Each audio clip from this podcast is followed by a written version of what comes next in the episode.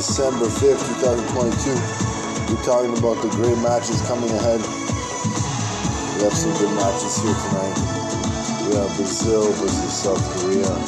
We have Japan versus Croatia. A very good matchup for the uh, Asian contenders. Pulling out their full force with the Brazilians and the Croatians. What's going to happen? Left to be seen on the pitch. Left to be seen on the pitch. Wow. It's come down to this game. It's the round 16. Again, we have Japan versus Croatia, South Korea versus Brazil. What can happen in these matches except full control by Brazil and semi-control by Croatia?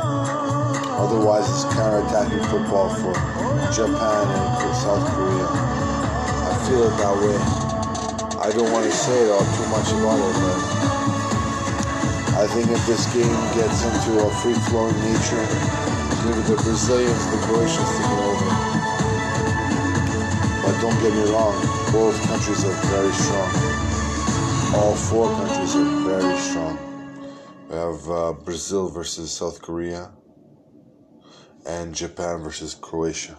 It's going to be a very interesting match. Get your TV boots on.